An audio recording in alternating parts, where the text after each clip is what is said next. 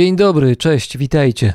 Nazywam się Paweł Drost, a to jest podcast, który powstaje dzięki słuchaczom. Więcej informacji znajdziecie na patronite.pl.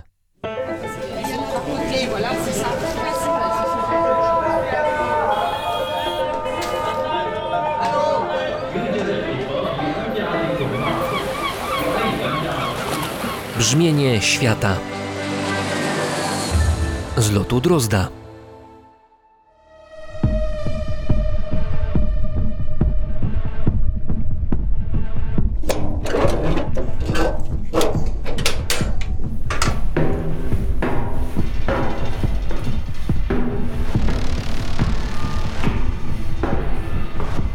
Kapitan Johann Heinrich Feile nie wiedział, co myśleć. Pięć dni temu blady radiotelegrafista przekazał mu depeszę z Berlina. Te chwile obaj zapamiętają do końca życia. Zresztą od samego początku ten rejs był inny niż wszystkie. Stojąc na mostku, kapitan Feile zerknął w kierunku swojej kajuty. Tam w szafce przechowywał najdziwniejszy przedmiot, jaki kiedykolwiek znajdował się na pokładzie samurajski miecz. Oddał go jeden z dwóch Japończyków, którzy płynęli dowodzonym przez kapitana okrętem. Miecz miał być zwrócony, gdy w końcu dopłyną do celu do Japonii. Był 13 maja 1945 roku.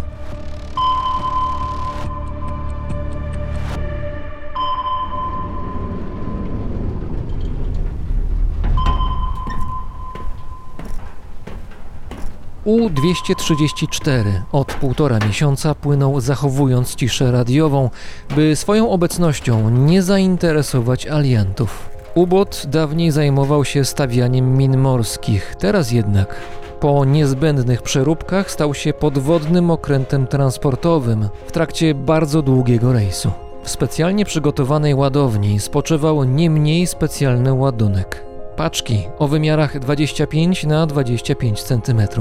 Wnoszący je ludzie dziwili się, że mimo niedużych rozmiarów są ciężkie jak ołów.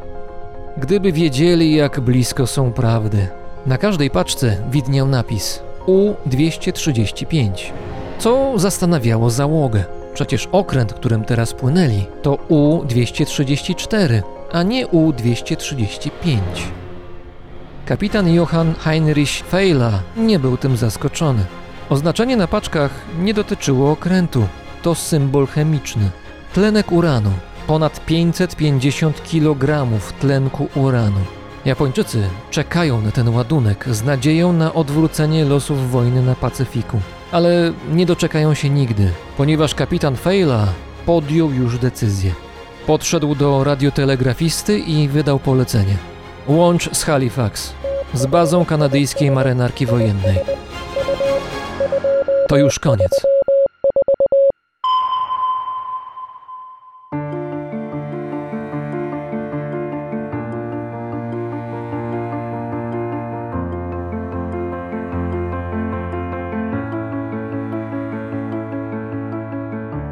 Na początku był żółw. Tak nazwano niewielką jednostkę, którą uważa się za pierwszy okręt podwodny użyty w boju. W 1776 roku żółw czyli napędzany przy pomocy rąk oraz nóg pra-pra-pradziadek ubotów, wziął udział w wojnie o niepodległość Stanów Zjednoczonych. Zbudowany był z drewna. Konstrukcja przypominała dużą beczkę, której szczyt wystawał ponad powierzchnię wody. Wewnątrz siedziało trzech ludzi. Niewiele wiemy o szczegółach tego okrętu, ale jest pewne, że zbudował go wynalazca samouk David Bushnell. Żółw miał podpłynąć do pewnego brytyjskiego okrętu wojennego, przytwierdzić do jego kadłuba czarno-prochową bombę czasową i odpłynąć. Plan się nie powiódł, ale nazwisko Bushnella trafiło na karty historii. Pierwsze pływające w zanurzeniu statki budowano wcześniej, bo już w pierwszej połowie XVII wieku i podobnie jak w przypadku wynalazku Bushnella, ich napęd stanowiły ludzkie mięśnie. W 1801 roku na zamówienie Napoleona amerykański inżynier Robert Fulton stworzył pierwszy okręt podwodny o nazwie Nautilus, który był w stanie płynąć 3 metry poniżej powierzchni wody, będąc w zanurzeniu ponad 4 godziny. Wynalazek nie ujął Napoleona na tyle, by prace były kontynuowane, ale historią zainteresował się Juliusz Verne. W swoich powieściach przygodowych wprowadził postać kapitana Nemo, który na pokładzie okrętu podwodnego Nautilus atakuje angielską flotę. W drugiej połowie XIX wieku fantazje Werna niewiele prześcigały rzeczywistość. Działał już wtedy Wilhelm Bauer. Ten niemiecki inżynier wybudował całą serię innowacyjnych okrętów podwodnych napędzanych siłą ludzkich mięśni. W 1851 roku jego maszyna osiadła na dnie na głębokości 18 metrów, gdzie wbrew planom przebywała 5 godzin razem z dwuosobową załogą oraz samym konstruktorem. Udało im się wydostać na powierzchnię. Próbując zainteresować swoimi pracami Rosjan, w 1856 roku w porcie Kronstadt w trakcie koronacji cara Aleksandra II Wilhelm Bauer zabrał do swojego okrętu kilku muzyków i będąc w zanurzeniu kazał im zagrać rosyjski hymn. Dzięki temu muzykę usłyszeli ludzie znajdujący się na statkach zacumowanych w porcie. W 1864 roku, podczas wojny secesyjnej w USA, zaledwie kilka lat przed narodzinami kapitana Nemo, w rejs bojowy wypłynął okręt o nazwie Hanley. Należał do konfederatów. Jego ośmioosobowa załoga przy pomocy ładunku wybuchowego zatopiła okręt unionistów. Był to pierwszy skuteczny atak okrętu podwodnego w historii. Kolejny przełom to rok 1886. Powstał wtedy nowy Nautilus, wybudowany przez Anglików. Pierwszy okręt podwodny napędzany przez silniki elektryczne. Zresztą do nazwy rozpowszechnionej przez Juliusza Werna sentyment mieli również Amerykanie. Pierwszy w historii okręt z napędem atomowym, zwodowany w 1954 roku, to USS Nautilus. Ataki okrętów podwodnych kojarzone są głównie z okresem II wojny światowej, jednak już podczas I wojny takie jednostki miały na swoim koncie niemało sukcesów. Umożliwiła im to nowa broń torpedy. W 1915 roku niemiecki U-20 zatopił brytyjski transatlantyk Lusitania. Blisko 1200 ludzi straciło życie. W 1918 roku los odwrócił się od transatlantyka Karpatia. Statek ten sześć lat wcześniej zabrał na pokład kilkuset rozbitków z Titanica. Tym razem jednak to on poszedł na dno. Zatopiły go torpedy niemieckich podwodniaków. Najbardziej skutecznym okrętem podwodnym w historii był U-35. Do 1918 roku zatopił 220 wrogich jednostek o łącznym tonażu ponad pół miliona ton. Najskuteczniejszy ubot II wojny światowej miał wynik niemal o połowę gorszy.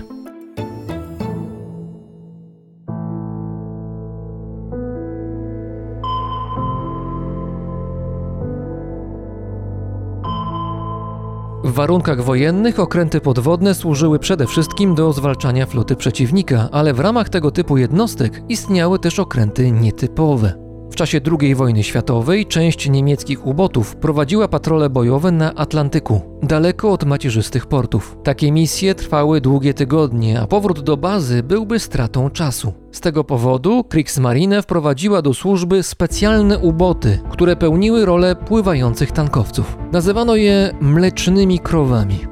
Ich zadaniem było spotkać się z ubotem, który był w trakcie patrolu bojowego, a następnie na morzu przekazać mu paliwo oraz niezbędne materiały. Załogi mlecznych krów były przygotowane nawet na wykonywanie napraw na morzu. System pomyślany był nieźle, jednak miał jedną zasadniczą wadę. Procedura tankowania odbywała się w wynurzeniu i trwała kilka godzin, co było bardzo ryzykowne. O istnieniu mlecznych krów wiedzieli alianci, którzy postawili sobie za cel ich zniszczenie odnieśli sukces. Wszystkie podwodne tankowce, a było ich 10, zostały zatopione. Mleczne krowy nie były jedynymi okrętami podwodnymi, które Niemcy wykorzystywali do transportu.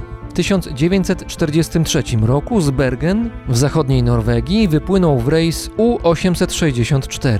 Na pokładzie przewoził kilkadziesiąt ton rtęci oraz kilku inżynierów, zarówno Niemców, jak i Japończyków. Okręt był jedną z co najmniej kilku jednostek, za pomocą których Trzecia Rzesza wymieniała się surowcami i wiedzą z sojuszniczą Japonią. Na rtęć oczekiwał japoński przemysł wojenny. Krótko po wypłynięciu z portu U-864 natrafił na okręt podwodny HMS Venturer.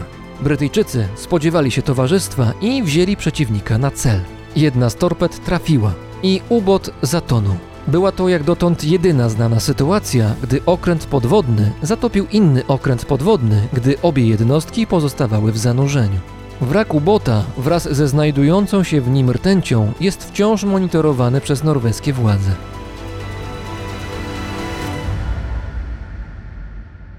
U-234, inny niemiecki okręt podwodny, który pełnił funkcję transportową, miał więcej szczęścia i znacznie ciekawszy ładunek. W marcu 1945 roku wypłynął z Niemiec mając paliwo i zaopatrzenie, pomyślane na co najmniej półroczny rejs. Celem była Japonia, którą Berlin chciał obdarować ładunkiem tlenku uranu. Ten radioaktywny materiał miał posłużyć japońskim naukowcom w pracach nad produkcją nowej broni. Jak się wydaje, U-234 przewoził również szczegóły techniczne nowoczesnej niemieckiej broni, m.in. plany rewolucyjnego myśliwca odrzutowego Messerschmitt 262 oraz zdalnie kierowanej bomby HS-293. Na pokładzie ubota znajdowali się niemieccy oficerowie wysocy rangą oraz dwóch japońskich naukowców. Gdy U-234 był już na Atlantyku, dotarła do niego wiadomość o kapitulacji Niemiec. Zgodnie z instrukcją z Berlina, ubot podał swoją pozycję aliantom i wynurzył się. Zanim kilka dni później jednostka została przejęta przez załogę amerykańskiego okrętu wojennego, japońscy naukowcy odebrali sobie życie. Tlenek uranu przewożony przez Niemców najprawdopodobniej wspomógł projekt Manhattan, amerykański program atomowy, który trzy miesiące później doprowadził do zrzucenia bomby atomowej na Hiroshimę.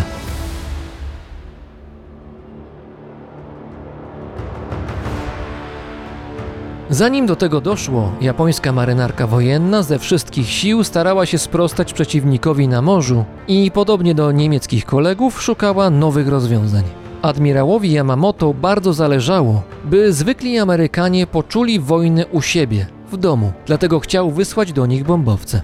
Tym kontekście chętnie myślał o Nowym Jorku. Jednak japońskie maszyny nie były w stanie dolecieć do Ameryki z racji zbyt odległych lądowisk, dlatego Yamamoto chciał, by to lądowiska podpłynęły bliżej. Tak powstał koncept podwodnych lotniskowców. Jednostki te miały w swoich wnętrzach przewozić bombowce. Oczywiście odpowiednio złożone, ponieważ rozstaw ich skrzydeł sięgał 12 metrów. Do transportu przeznaczony był specjalny hangar w górnej części kadłuba okrętu. Po wynurzeniu załoga miała bombowce złożyć. Na każdym okręcie miały być dwie lub trzy takie maszyny. Ich start miał odbyć się przy pomocy pneumatycznej wyrzutni. Po zbombardowaniu celów bombowce miały wylądować na wodzie dzięki pływakom obok jednostki macierzystej. Następnie zespół pakował wszystko do środka i w zanurzeniu wracał do Japonii.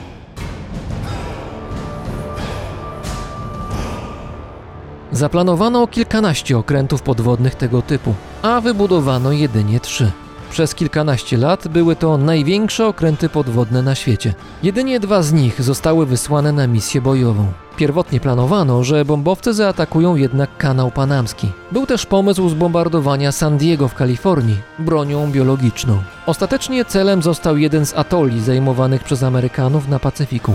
Misja podwodnych lotniskowców nie została ukończona musiały zawrócić. 15 sierpnia 1945 roku cesarz Hirohito ogłosił kapitulację Japonii. Po II wojnie światowej znaczenie okrętów podwodnych wzrosło. Trwał wyścig zbrojeń między USA a Związkiem Radzieckim. Prowadzone w przyspieszonym tempie prace sprawiały, że okręty podwodne były wyposażane w coraz to potężniejszą broń, pływały coraz szybciej i schodziły na coraz to większe głębokości. Miało to swoją cenę, o czym przekonała się załoga USS Fresher. Ta amerykańska jednostka była okrętem z napędem atomowym, na którym w latach 60. testowano nowe, eksperymentalne rozwiązania trakcie swojego ostatniego rejsu na Atlantyku w 1963 roku okręt miał zejść na głębokość maksymalną 400 metrów.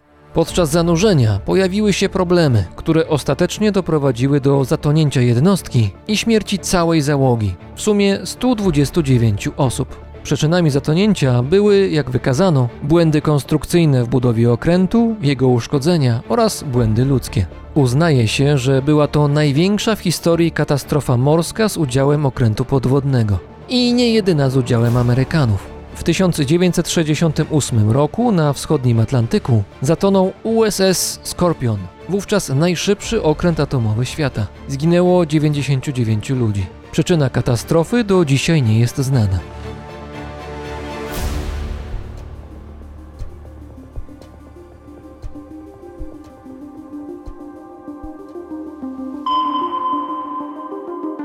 Zatonięcie amerykańskich okrętów podwodnych sprawiło, że przez kilka dekad amerykańscy podwodniacy nie mogli przekraczać głębokości 400 metrów ze względów bezpieczeństwa.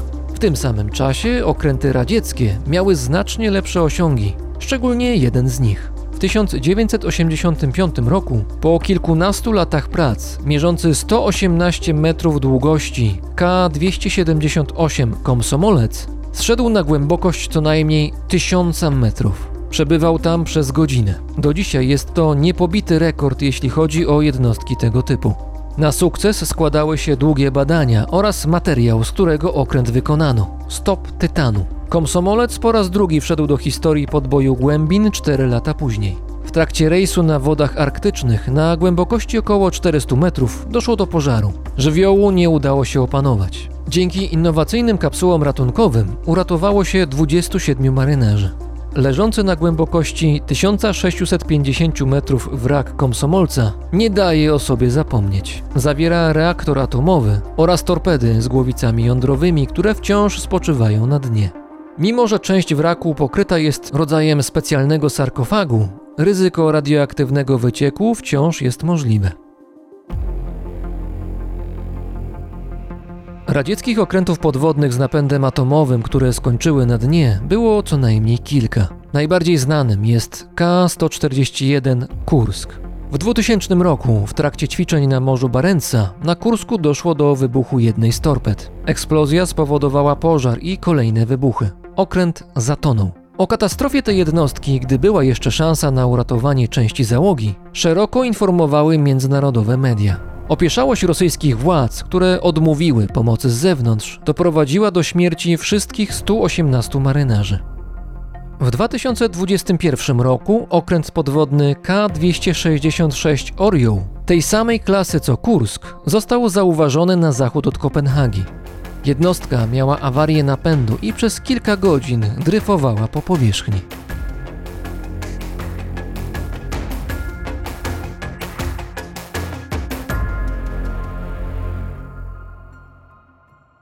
Morze Bałtyckie było i wciąż jest terenem działań okrętów podwodnych. Obecnie największa baza rosyjskiej marynarki wojennej na Bałtyku znajduje się w Bałtyjsku, w obwodzie kaliningradzkim, 80 km od Trójmiasta. Stacjonuje tam trzon rosyjskiej floty bałtyckiej.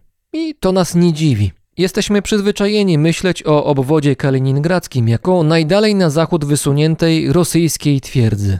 I to prawda. Tak samo jak prawdą jest to, że obwód oraz sam Kaliningrad to również zwykli ludzie. I między innymi o nich będzie mowa w tym odcinku.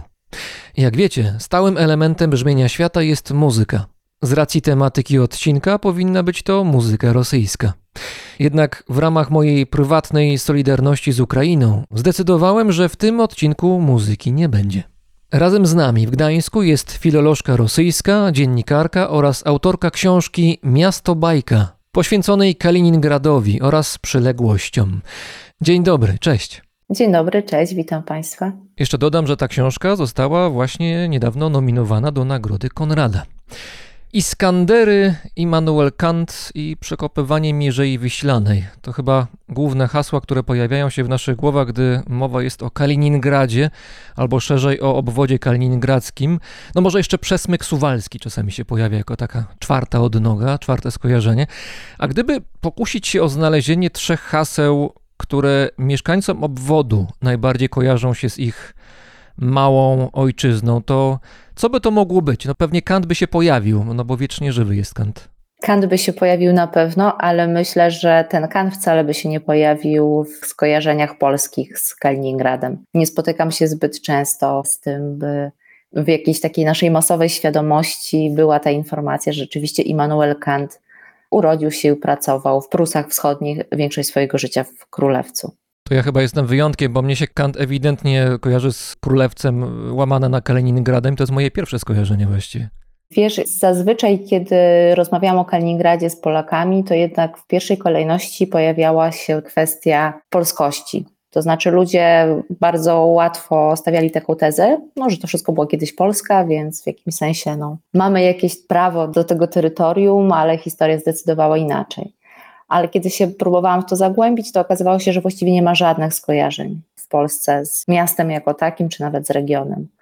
Tam nie mieszczą się żadne nasze ogólnonarodowe, patriotyczne wyobrażenia, które byśmy wszyscy podzielali. To zupełnie nie jest tak jak z Lwowem czy Wilnem, o których każdy jakąś historię potrafi opowiedzieć. O królewcu nikt nie potrafi w Polsce nic powiedzieć, a jeżeli się z czymś kojarzy, z jakimś ważnym wydarzeniem historycznym, jakąś historyczną postacią, no to oczywiście kojarzy się z hołdem pruskim i też uważam, że to ironia historii, no bo hołd pruski rzeczywiście jak najbardziej dotyczył Prus Wschodnich i Królewca ale wydarzył się w Krakowie. No to w takim razie, co się mieszkańcom Kaliningradu, obwodu kaliningradzkiego kojarzy najbardziej w tej chwili z tym miejscem, w którym mieszkają? Na pewno Immanuel Kant, morze, Bałtyk, bursztyn i zaryzykowałabym, że Mierzeja Kurońska, która jest takim bardzo symbolicznym miejscem dla Kaliningradczyków, takim rodzajem rezerwatu dzikiej przyrody, z którego są dumni, gdzie lubią jeździć i które lubią też pokazywać przyjezdnym turystom. A element y, niemieckości, germańskości, może bardziej pruskości, jakoś jest w tej świadomości kaliningradzkiej żywy? No chodzi mi o to, czy to się pojawia w rozmowach. No ja wiem, że jak się rozmawia o kawie, to niekoniecznie pierwszym tematem jest rozmowa na temat przeszłości pruskiej, tylko raczej się rozmawia o tym, co słychać, gdzie ktoś był, co widział i ktoś się z kimś spotyka, albo ktoś się z kimś rozstał. Pewnie to są takie ludzkie rozmowy, a nie pruskość jako taka. Ale jednak, czy jak zbierałaś materiały do książki, jak interesowałaś się, nadal się interesujesz tematyką kaliningradzką, czy ten wątek jakoś się kładzie może nie tyle cieniem, ale no jest wyraźny w tych rozmowach? Oczywiście. Przeszłość jest czymś, czego oczywiście nie udało się odciąć. W sumie nie wiem, czy tak oczywiście, czy to jest takie oczywiste, no bo władza sowiecka powojenna w Kaliningradzie od tej przeszłości przedwojennej się wyraźnie odcinała. Nie można było jej studiować, nie można było się zbyt wiele dowiedzieć. Pamiętajmy, że kiedyś były takie czasy, kiedy nie było internetu, więc możliwości poszukiwań były bardzo małe. I zainteresowanie historią, ono wybuchło w Kaliningradzie, ono wybuchło w czasie pierestrojki i rozwijało się stabilnie przez wszystkie kolejne lata do dzisiaj i dzisiaj wcale nie przestaje Kaliningradczyków ta przeszłość ciekawić. Ale to właśnie dopiero rozpad Związku Radzieckiego, wprowadzenie wolności słowa, to wszystko dało napęd do poszukiwań pewnej takiej gry tożsamości z tą przyszłością, której najwyraźniejszym przejawem przez wszystkie minione lata były oczywiście to, co zostało w przestrzeni z przedwojennego miasta, z regionu, czyli architektura, urbanistyka specyficzna dla tej części Europy, a zupełnie nietypowa dla miast rosyjskich czy sowieckich. Jestem bardzo ciekaw, jak wygląda kwestia nazewnictw, jeżeli chodzi o ulice w Kaliningradzie. Dlatego jestem ciekaw, ponieważ pamiętam, że niedawno, kiedy byłem w Szczecinie, z uśmiechem zauważyłem coś, o czym kiedyś czytałem i miałem tego świadomość, ale zauważyłem, że w centrum miasta bardzo duża jest reprezentacja, powiedzmy, rdzennie polskich nazw. Jest Plac Orła Białego, Plac Żołnierza Polskiego, ulica Zygmunta Starego, ulica Mazowiecka, Małopolska, Kujawska, Matejki, Mieszka I.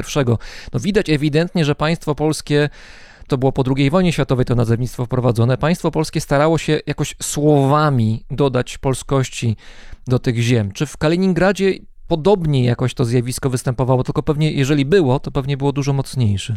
Wydaje mi się to trochę paradoksalne, że wcale niekoniecznie było mocniejsze. Bo z jednej strony mamy miasto, które ma bardzo problematyczną dla Polaków nazwę, bo ta nazwa upamiętnia Michała Kalinina, człowieka, który podpisał się pod listami katyńskimi, pod rozkazem rozstrzelania polskich oficerów. Bolszewickiego aparatczyka, osobę właściwie zupełnie nieznaczącą, poza tymi zbrodniczymi decyzjami dla historii, osobę, która nic szczególnego nie osiągnęła, niczego szczególnego sobą nie reprezentuje.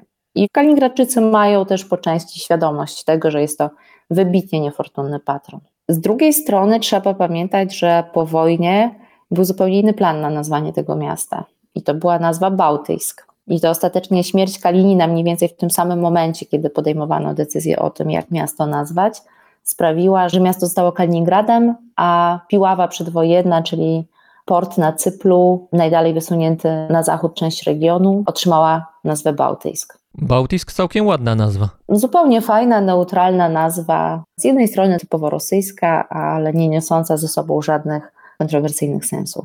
Gdyby Kaliningrad został bałtyckim, mielibyśmy pewnie obwód bałtycki, coś, co też nie budziłoby jakiegoś szczególnego rozdrażnienia w Polakach czy w drugich sąsiadach Kaliningradu, Litwinach. Z drugiej strony mniejsze miejscowości nazywano często właśnie jakimiś nazwami związanymi z wojną, no bo jednak historia Kaliningradu dla Rosjan, którzy tam mieszkają, no i dla rosyjskich władz też, no to jest przede wszystkim ta historia 1945 roku. To jest coś, co wyjaśnia, co jest takim genezis w ogóle bycia rosyjskiego w tym regionie, to jest właśnie, że Armia Czerwona zdobyła Prusy Wschodnie, w wyniku operacji wschodniopruskiej po szturmie Królewca zajęła te tereny, no i one później w wyniku już konferencji i traktatów pokojowych zostały przyznane Związkowi Radzieckiemu. Więc zaczęły pojawiać się takie nazwy jak Krasnoznamiensk, Czerniachowsk od nazwiska generała, który zginął w czasie tej operacji.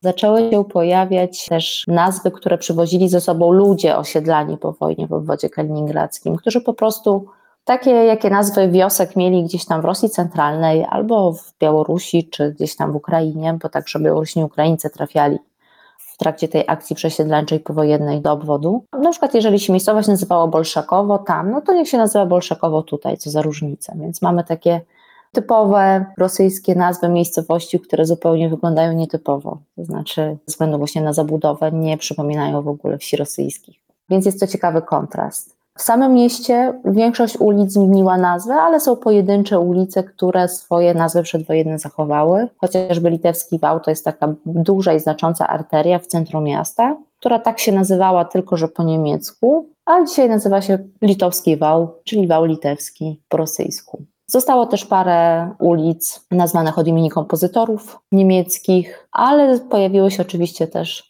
takie bardzo typowe nazwy sztampowe dla sowieckich miast, jak prospekty, które nazwano moskiewskim, sowieckim, leninowskim. Jest oczywiście Plac Zwycięstwa. Są ulice upamiętniające postaci historyczne, na przykład Kutuzowa, ale chyba taką ulicą, która mnie bardziej swego czasu zaskoczyła, przez pewien czas mieszkali tam moi przyjaciele, to była ulica Pawszych Afganistana, czyli to była ulica poległych w Afganistanie, czyli w wojnie afgańskiej.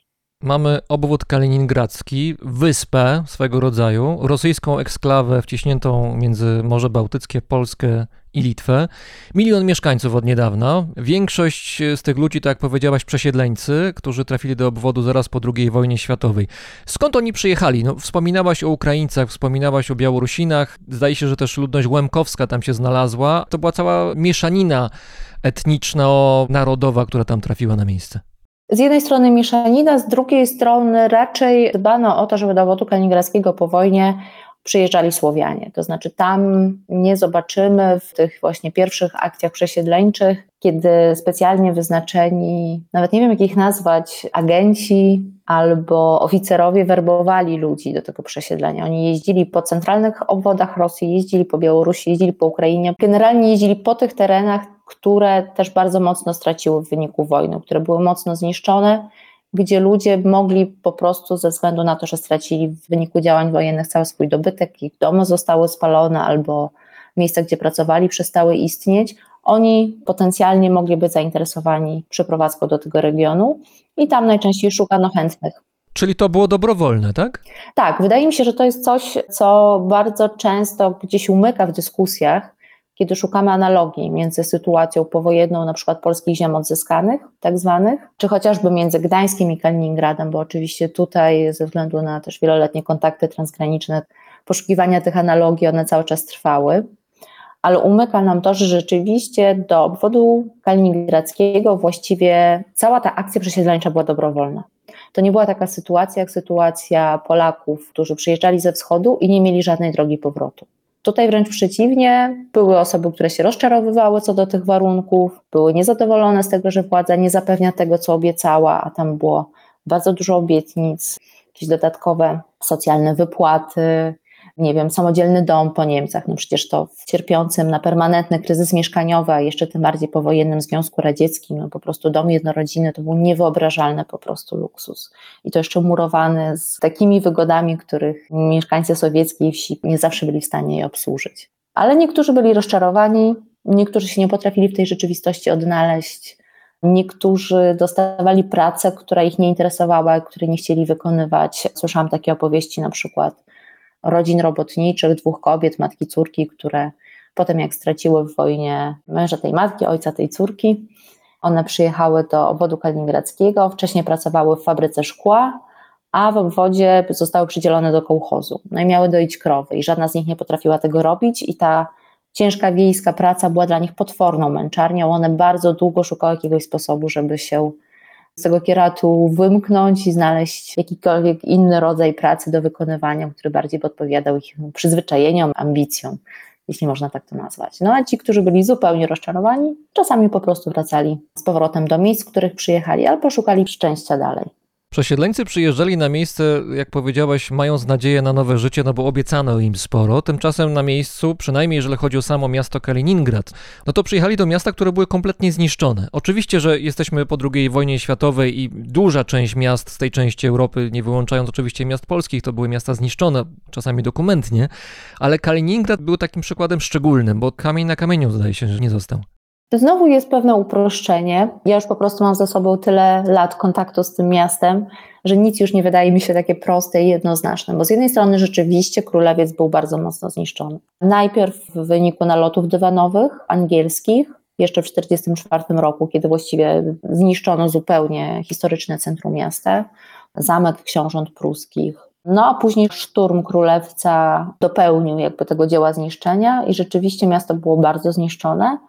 I to widać przede wszystkim właśnie w centrum. Są tam cały czas takie dziwaczne, puste przestrzenie jest jakiś bardzo duży problem, żeby je zagospodarować. Skoro o tym mówisz, to od razu zapytam, bo zrobiłem sobie taką małą wycieczkę po Kaliningradzie przy pomocy map satelitarnych i zobaczyłem, że właściwie w centrum miasta gdzie stoi chyba nowy stadion. Zaraz obok niego są wielkie, otwarte połacie, które w dużej części stanowią parkingi. Tam samochodów na zdjęciach satelitarnych dużo nie widziałem, ale oprócz tych parkingów są, nie wiem, pola, łąki, to są jakieś wielkie przestrzenie w środku miasta. Tak, to jest w ogóle jeszcze inna historia, bo to jest wyspa Lomze, która po rosyjsku już po 1945 roku zyskała nazwę Astrow Akcjabryski, czyli Wyspa Październikowa. I to jest miejsce, gdzie tylko w bardzo wąskim pasie samego nabrzeża tej wyspy była jakaś zabudowa. Natomiast ogromne połacie tej wyspy nigdy nie były zagospodarowywane.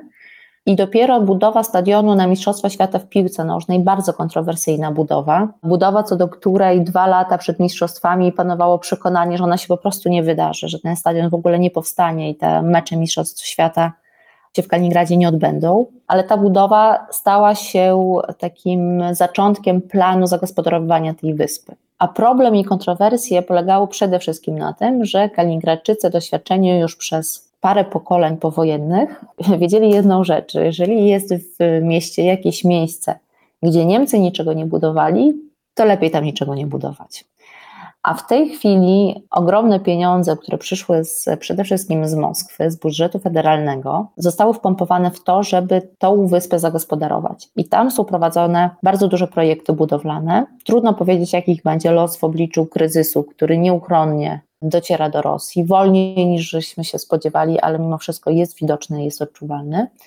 I to jest bardzo ciekawa historia, bo to właśnie na tej wyspie ma powstać filia Teatru Balszoj, ma powstać filia Galerii Treciakowskiej, czyli takich znakowych instytucji kultury rosyjskich. I wydaje mi się, że to jest bardzo ciekawy zabieg, na który bardzo długo nikt nie wpadł, bo kaliningradzkie dzieci wożono na wycieczki po Rosji, po to, żeby one oderwane, biedne gdzieś tam w tej strasznej Europie odcięte od macierzy mogły zobaczyć, jak wygląda Moskwa, jak wygląda Kreml, jak wygląda Ermitaż w Petersburgu, jak wyglądają stare miasta tak zwanego Złotego Pierścienia.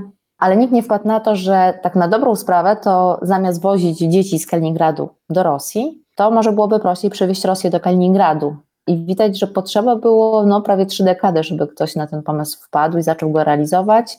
No i zobaczymy, co z tej realizacji wyniknie. Stadion, który był pierwszą dużą inwestycją budowlaną na tej wyspie, no niestety ma, spotyka się z naprawdę wieloma problemami. Ciężko mu przetrwać tą próbę czasu i błota, bo ta wyspa była po prostu bardzo bagnista. I żeby zbudować stadion, zostały tam nawiezione jakieś niewiarygodne ilości piasku, a firmy, które się tym zajmowały, które zajmowały się przygotowaniem tej budowy, samo przygotowanie pod wzniesienie stadionu trwało dużo dłużej niż budowa tego gmachu nad ziemią, który został zresztą zbudowany tak dosyć prosto, skromnie i szybko, po prostu żeby się wyrobić na mundial.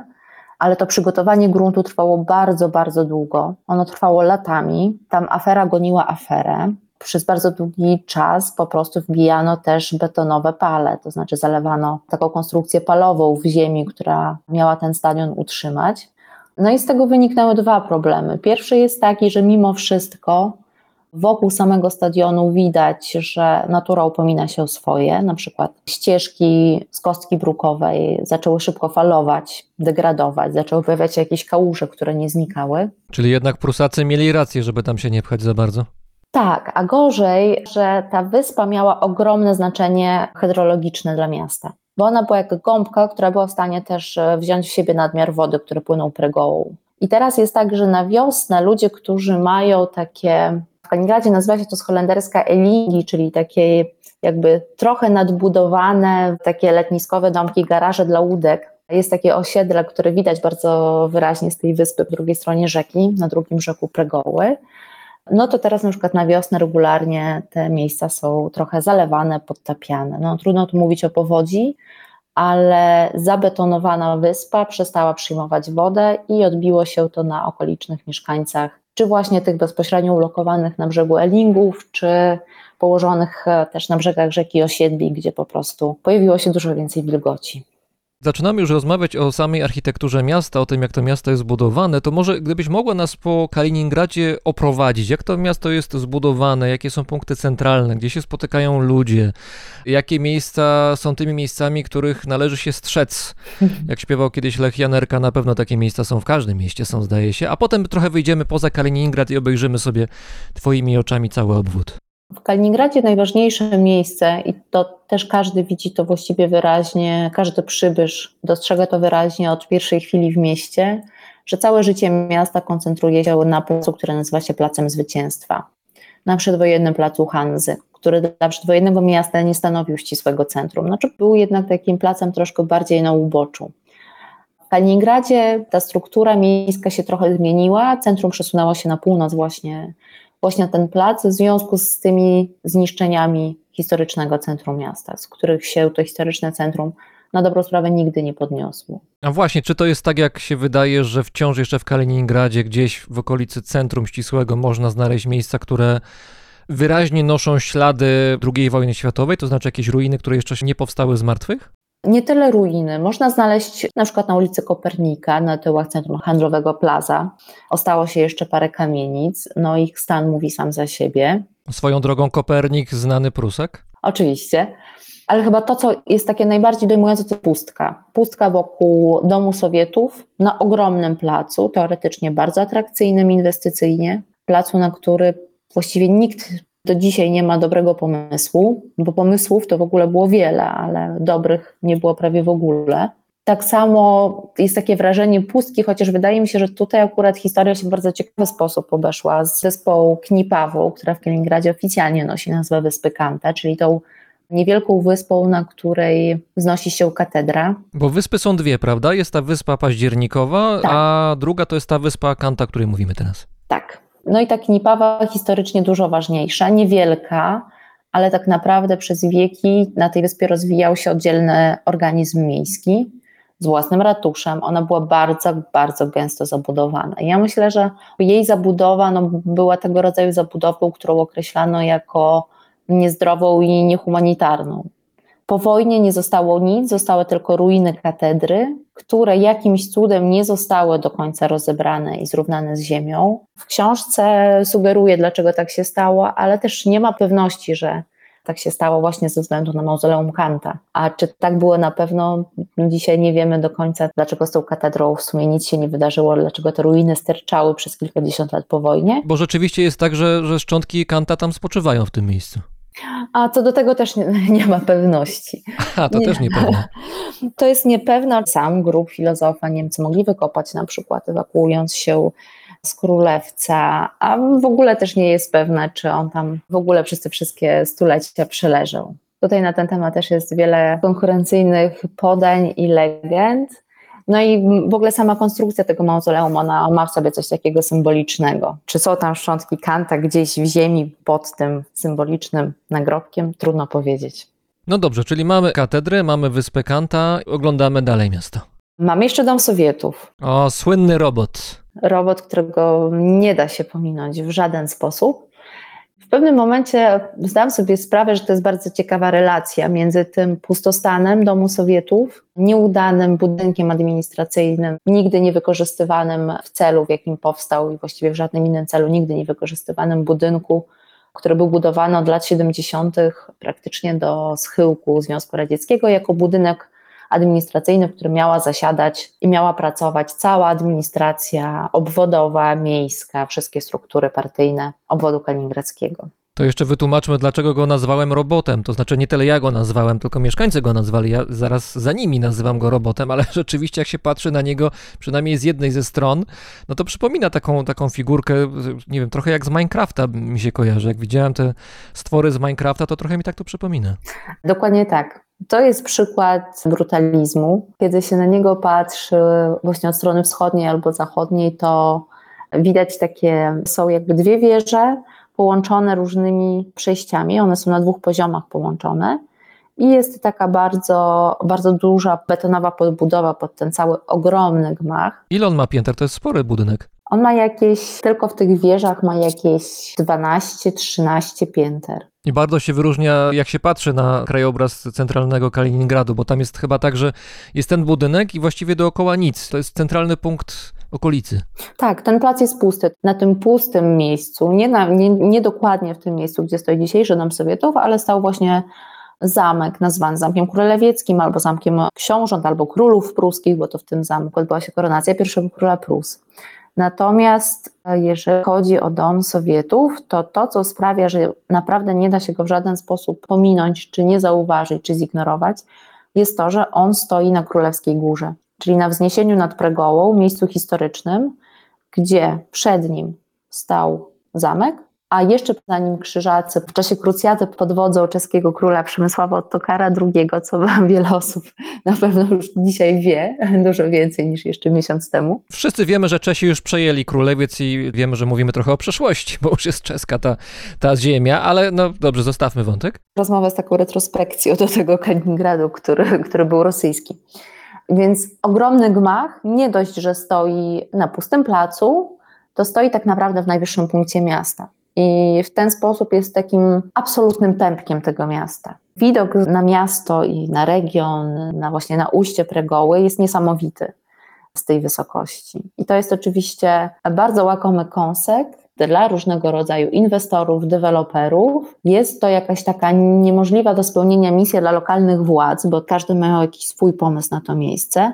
Obecny gubernator chce ten budynek rozebrać. I właściwie ta rozbiórka była już kilkukrotnie anonsowana i jak na razie do niej nie doszło. Ja raz jakiś czas też moich przyjaciół z Kaliningradu pytam, czy coś się dzieje, czy może widać jakieś ploty takie oddzielające budowy, ale nic takiego się nie dzieje. I być może znowu jest tak, że znowu następuje jakiś rodzaj systemowej i historycznej zadyszki, który sprawia, że dom Sowietów będzie trwać będzie wiecznie żywy niczym Lenin. Ten budynek został, jego budowa została zarzucona pod koniec lat 80., kiedy Rosja, Związek Radziecki wszedł w ostry kryzys gospodarczy, między innymi. No i w takim stanie mniej więcej trwa do dzisiaj. Oczywiście minus to, co ludzie powykradali. Budynek jest zamknięty, nie jest dostępny dla publiczności i właśnie dlatego się na nim pojawiłaś chyba dwukrotnie, prawda? Jakbyś mogła opowiedzieć taką instrukcję obsługi, jak tam się wchodzi, bo trzeba znać słowo klucz, znać odpowiednią osobę, do której trzeba uśmiechnąć się ukradkiem. No i jak też wygląda to w środku? Dwie wizyty opisałam w książce. Natomiast ile tych wizyt było, trudno powiedzieć w Domu Sowietów, bo Dom Sowietów jest naprawdę absolutną atrakcją turystyczną miasta. I naprawdę w Kaliningradzie się nie było, jeśli się nie widziało mauzoleum Kanta i katedry na wyspie, i w Kaliningradzie się nie było, jeśli się nie było w Domu Sowietów, nie weszło się przynajmniej na ostatnie piętro, już nie mówię o dachu. Sprawa jest bardzo prosta. Ten budynek, on w pewnym momencie trafił w ręce prywatne, gdzieś w latach 90. w tej całej takiej zawierusze ekonomicznej został sprywatyzowany i tam pojawił się ochroniarz. Jeden, drugi, wiadomo, oni pracowali na zmiany i okazało się, że ochroniarz bez problemu za niewielką opłatą wpuszcza każdego, kto chce. I wydaje mi się to bardzo zabawnym paradoksem tej sytuacji, bo Zdarzało nam się ze znajomymi do domu Sowietów podchodzić i nikogo tam nie zastać.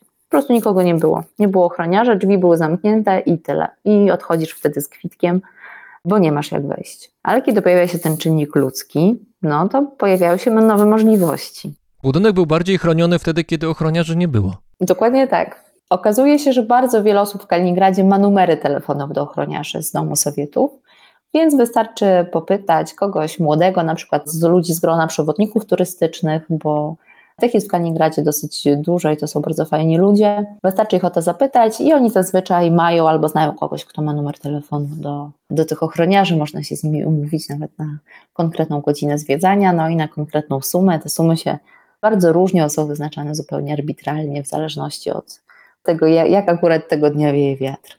To ja mam pytanie, jak to jest, że skoro ten budynek jest tak niezwykle popularny i tak przyciąga swoją nietypowością, dlaczego właściciel prywatny, chyba nie, bo teraz miasto chyba jest właścicielem, no generalnie dlaczego właściciel obecny nie wpadnie na taki oto genialny pomysł, żeby zrobić z tego miejsce regularnych, legalnych, pewnie odpowiednio opłacanych wycieczek. No przecież to by można zrobić naprawdę niezły biznes na tym. Kilka lat temu władze regionalne wykupiły rzeczywiście Dom Sowietów. On już dzisiaj znowu jest we władaniu regionalnych struktur administracyjnych. I pierwszy pomysł obecnego gubernatora był taki, żeby Dom Sowietów po prostu w końcu wyremontować, ukończyć i by rzeczywiście tam wprowadziły się struktury administracyjne. I przeprowadzono ekspertyzę i z tej ekspertyzy wynikło, że właściwie ten budynek się już do tego zupełnie nie nadaje. W środku tam dominuje po prostu goły beton, jest dużo jakichś dziwnych drutów i kabli sterczących ze ścian. Po, po Mistrzostwach Świata zostało tylko takie jedno troszkę podmalowane pomieszczenie, gdzie zasiadała Federalna Służba Bezpieczeństwa obserwująca strefę kibica, zorganizowaną na placu przed Domem Sowietów. Do tego ten budynek też był budowany jakby w zupełnie innych czasach. On nie spełnia, powiedzmy, tych naszych współczesnych oczekiwań wobec fajnego, funkcjonalnego, ergonomicznego budynku biurowego. No ale przecież w Polsce na przykład, czy w, we wschodniej części Niemiec do dzisiaj są popularne jakieś wycieczki na przykład Trabantami czy Warburgami, które to samochody, jak pewnie część naszych słuchaczy pamięta, nie są kwintesencją wygody, a mimo tego właśnie ludzie tymi samochodami chcą się poruszać, żeby trochę poczuć dawne czasy, więc może na tej samej zasadzie robot, czyli dom Sowietów, dom rad, byłby atrakcją Kaliningradu.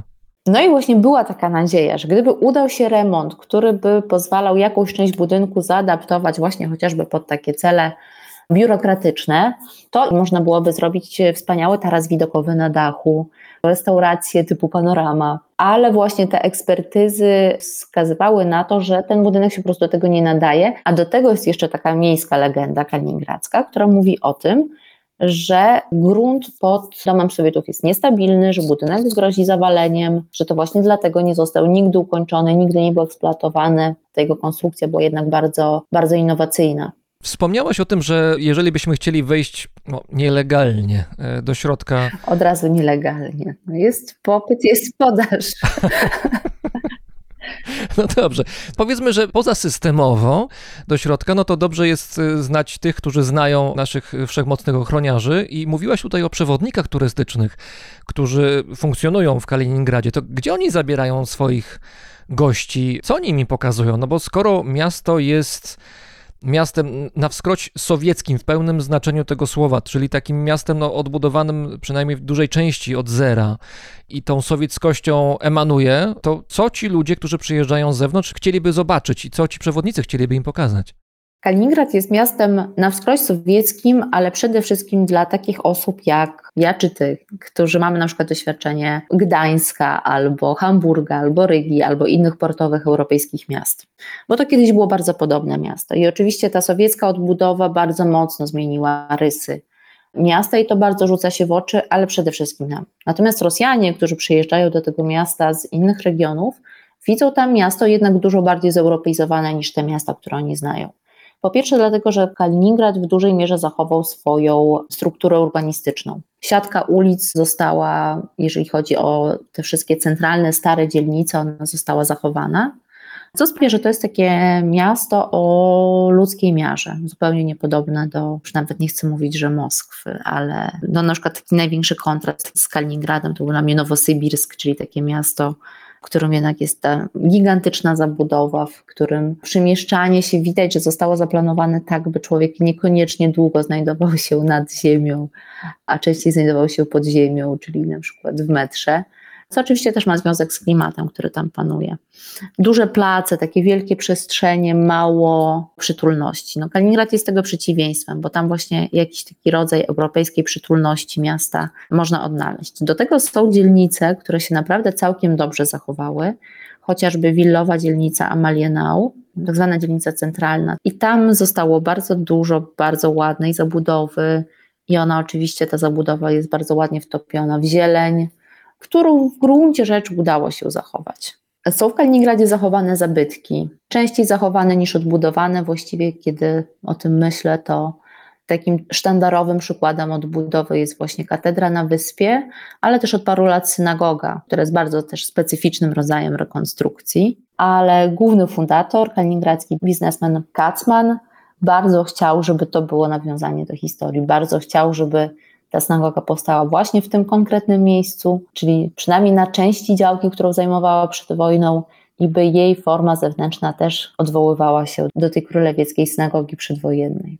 No i wiem też, że jest siedem mostów w Kaliningradzie i to jest fakt związany zarówno z architekturą miasta, jak i z matematyką. Ja przyznam, że no nie ukrywam, że z matematyką to ja jestem raczej na bakier i próbowałem co prawda zrozumieć o co chodzi z siedmioma mostami w Kaliningradzie czy dawniej w Królewcu i z tak zwaną teorią grafów podjąłem taki wysiłek bohaterski, ale poległem. Nie wiem, czy rozumiesz może o co chodzi z, z tą teorią grafów? Możesz nie, tak w trzech słowach wytłumaczyć? Nie, wytnijmy to, bo to jest dokładnie to samo. Jak pisałam książkę, myślę, dobra, już nie ucieknę od tej teorii grafów i tego Eulera. Dowiedziałem się przy okazji, że a propos teorii grafów jeszcze istnieje coś takiego i to jest fajna nazwa. Nazwy są świetne. Problem chińskiego listonosza. To w drugiej połowie XX wieku w Chinach na podstawie tego powstała jakaś teoria matematyczna, związana z, też z teorią grafów, ale też jej nie rozumiem ni w ząb. Jakby ktoś z naszych słuchaczy rozumiał, to, to, to poprosimy o wytłumaczenie, bo ni w ząb nie łapiemy o co chodzi, zdaje się. Znaczy pomyślałam sobie, że to byłoby jednak męczenie czytelnika, bo w pewnym sensie ja bym musiałabym razem z czytelnikami mojej książki starać się zrozumieć. to, bardzo Ci dziękuję w, w, imieniu tych, tych, dla których matematyka jest niedościgłą jakąś sferą, która jest zupełnie, wydaje się, niezrozumiała. Dobrze, wyjdźmy może z Kaliningradu poza miasto, ale zostańmy w obwodzie kaliningradzkim. Jak się spojrzy na mapę obwodu, no to Kaliningrad ewidentnie jest przesunięty na, na zachód, a cała wschodnia część, no to co tam się dzieje w ogóle? Jak tam życie wygląda? Czy bywałaś tam, jeździłaś tam? A to jest bardzo ciekawe, bo zawsze tak sobie myślałam, że obwód kaliningradzki jest taką miniaturą Rosji, która też jest bardzo mocna, przychylona, jeżeli chodzi właśnie o kwestie ludności, rozwoju i zasobów na zachód, ale w jakimś sensie musi się też tym wschodem cały czas żywić. Wschodem, który jest dużo bardziej taki opustoszały, no bo oczywiście Syberia jest dużo mniej zamieszkana niż ta centralna, zachodnia część Rosji. I w obwodzie kaliningradzkim to jest podobnie, to znaczy mamy, mamy miasto, stolicę, około półmilionowe, chociaż oczywiście znamy dane tylko i wyłącznie oficjalne, nie wiemy do końca ile ludzi mieszka bez meldunków w Kaliningradzie, Wokół Kaliningradu też rozwijają się przedmiejskie miasteczka, więc łącznie spotykałam się też z szacunkami, że to może być, nie wiem, 600-700 tysięcy mieszkańców. Cały obwód ma milion, ten milion przekroczył w 2018 roku i był z tego bardzo dumny. Ale co jest, co jest dalej na wschód? Na wschód jest tak, że jak się z Kaliningradu wyjeżdża na wschód, to najpierw jest bardzo fajna trasa, taka dwupasmówka, stosunkowo nowa. Człowiek sobie myśli, o wow, Europa. A im dalej jedzie na wschód, tym bardziej ta droga zaczyna degradować. Najpierw się zmierza do jednego pasa, jest coraz więcej w niej dziur. W pewnym momencie jest nawet fragment drogi przedwojennej, brukowanej. Mm.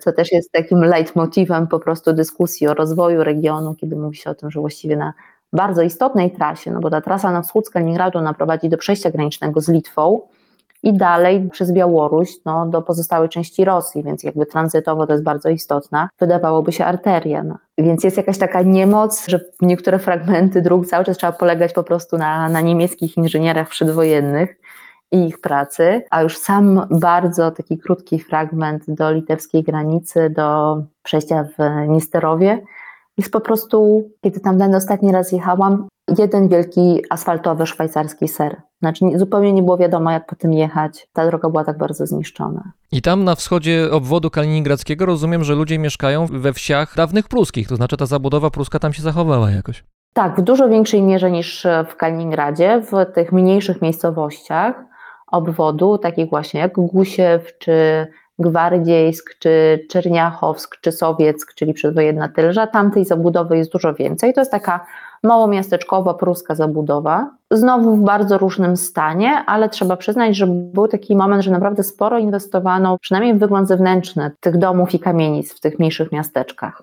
O, niektóre wyglądają lepiej, niektóre troszkę gorzej. Też taka przygraniczna miejscowość Żelezno-Darożny, ona została w ogóle obiektem programu rewitalizacji, odnowy fasad. Generalnie tendencja jest taka, że ludzie ze wschodu obwodu kaliningradzkiego uciekają, starają się osiedlać w Kaliningradzie albo w tych miasteczkach, które są dalej położone na zachód, bo też mamy nad Kaliningradem, czyli kierując się na północ, mamy taki wianuszek dosyć bogatych miejscowości, kurortów. Tam jest Pionierski z rezydencją Putina, tam jest Zielonogradzk, czyli przedwojenny Kranz, albo Świetłogorsk, czyli przedwojenny Rauszyn, czyli takie kurorty z historią, też z bardzo fajną zabudową, gdzie wiele rzeczy się zachowało przedwojennych.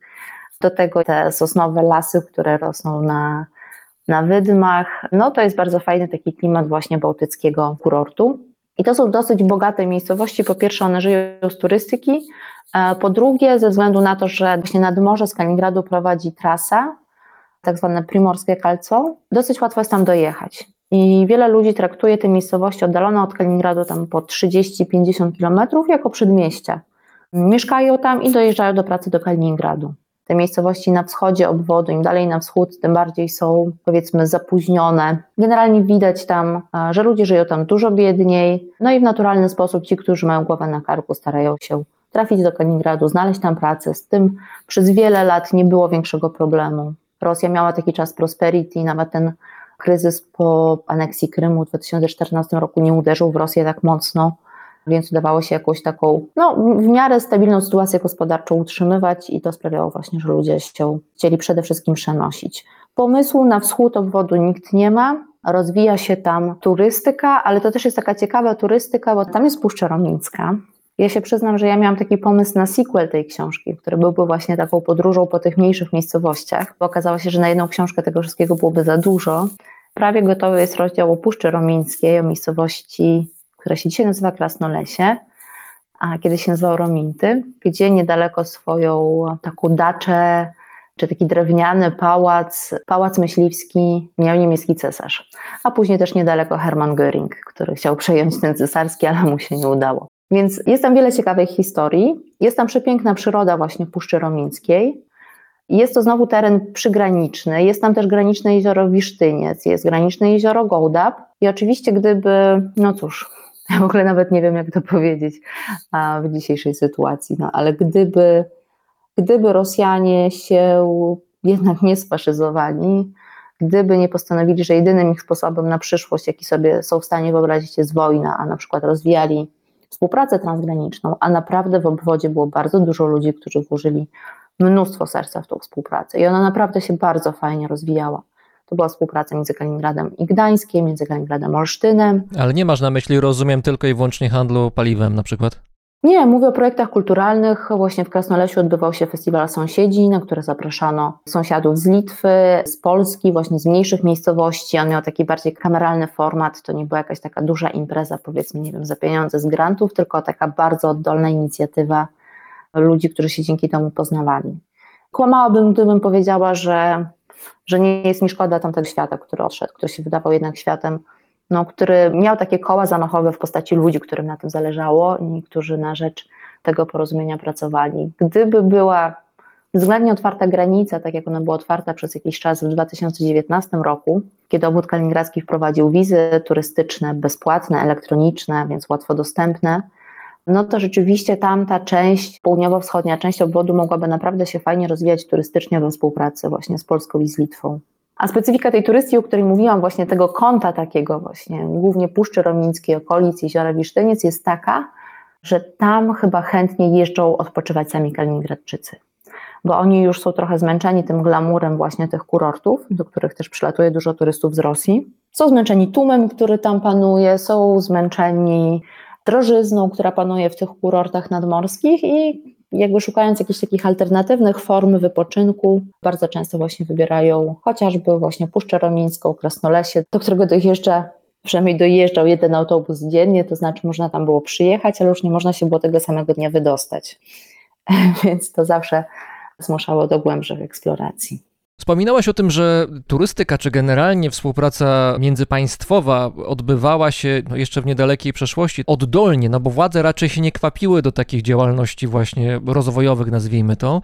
To może teraz porozmawiajmy o tym, jak Kaliningradczycy patrzą na siebie, na swoją tożsamość, na swoją rosyjskość, na swoją ojczyznę, na swój region. No, chodzi mi o to, na ile identyfikują się z Rosją jako taką, a na ile może bardziej identyfikują się z obwodem kaliningradzkim, który jest ich własną, no taką małą ojczyzną? To jest w ogóle ulubione pytanie wszystkich Kaliningradczyków. No i tutaj tak trochę, nie wiem, czy słychać ironii w moim głosie, ale ja odpowiem na to pytanie. Chciałam wrócić jeszcze na chwilę do tego, co powiedziałeś, że władze się do tej współpracy nie paliły. To nie jest do końca prawda. Władze się do tej współpracy paliły, dlatego że na tę współpracę były wyasygnowane wspólne środki z programu współpracy transgranicznej. Niektóre projekty środki już otrzymały.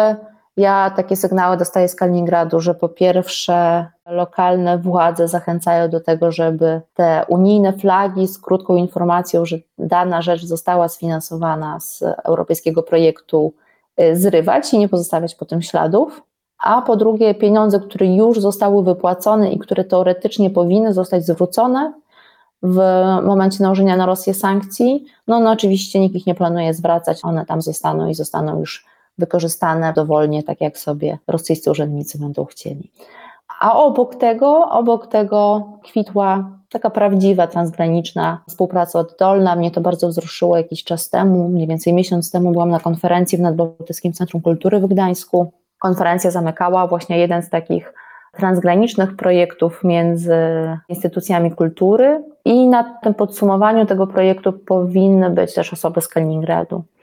I bardzo mnie wzruszyło to, że na tej konferencji bardzo wiele razy podkreślono, że w Gdańsku mamy nadzieję na to, że te osoby, z którymi tą współpracę mieliśmy, które znaliśmy, wiemy kim są, wiemy jakie są ich postawy, jakie są ich poglądy, jakie wartości wyznają, że z tymi osobami będziemy się mogli naprawdę już niedługo zobaczyć i że powoli będziemy jakoś się starali te stosunki odbudowywać, wbrew wszystkiemu.